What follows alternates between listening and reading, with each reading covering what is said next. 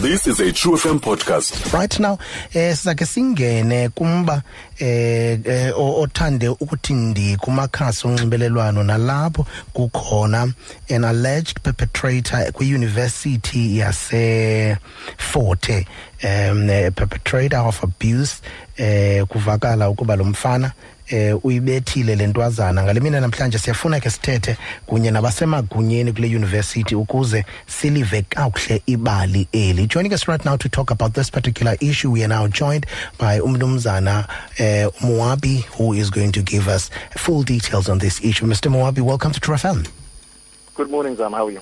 Can't complain. Thank you very much for joining us today.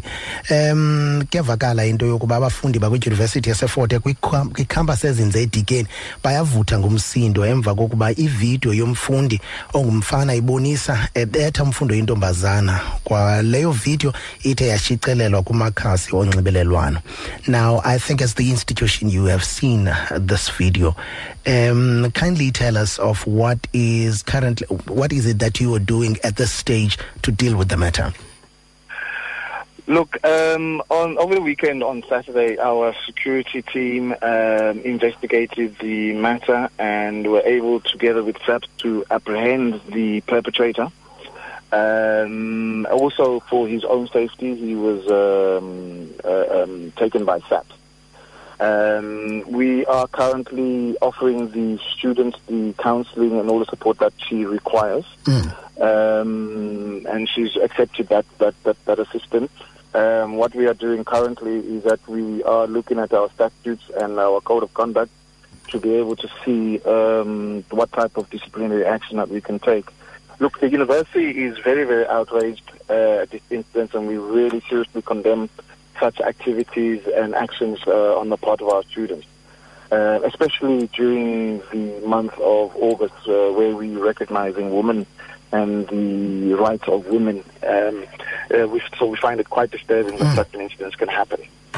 Um, so the, university will be looking to take the matter uh, to its fullest disciplinary possibilities, um, and we will be taking this extremely seriously. All right.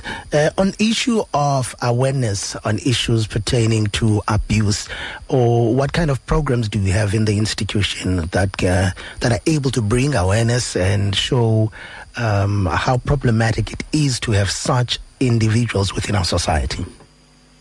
Yes, um, look, gender-based violence is a societal problem. Um, the universities are also part of society, so we a reflection of that. We are currently working with the Gender Commission and a number of organizations internally and externally to develop strategies that will assist in, in combating uh, such activity. Only recently on Women's Day, we there was a march that uh, a number of our academics and uh, students participated in, uh, showing their displeasure around gender-based violence issues. Um, we are currently working on an in-depth policy with uh, various stakeholders to also assist us in terms of tackling uh, gender-based violence on campuses.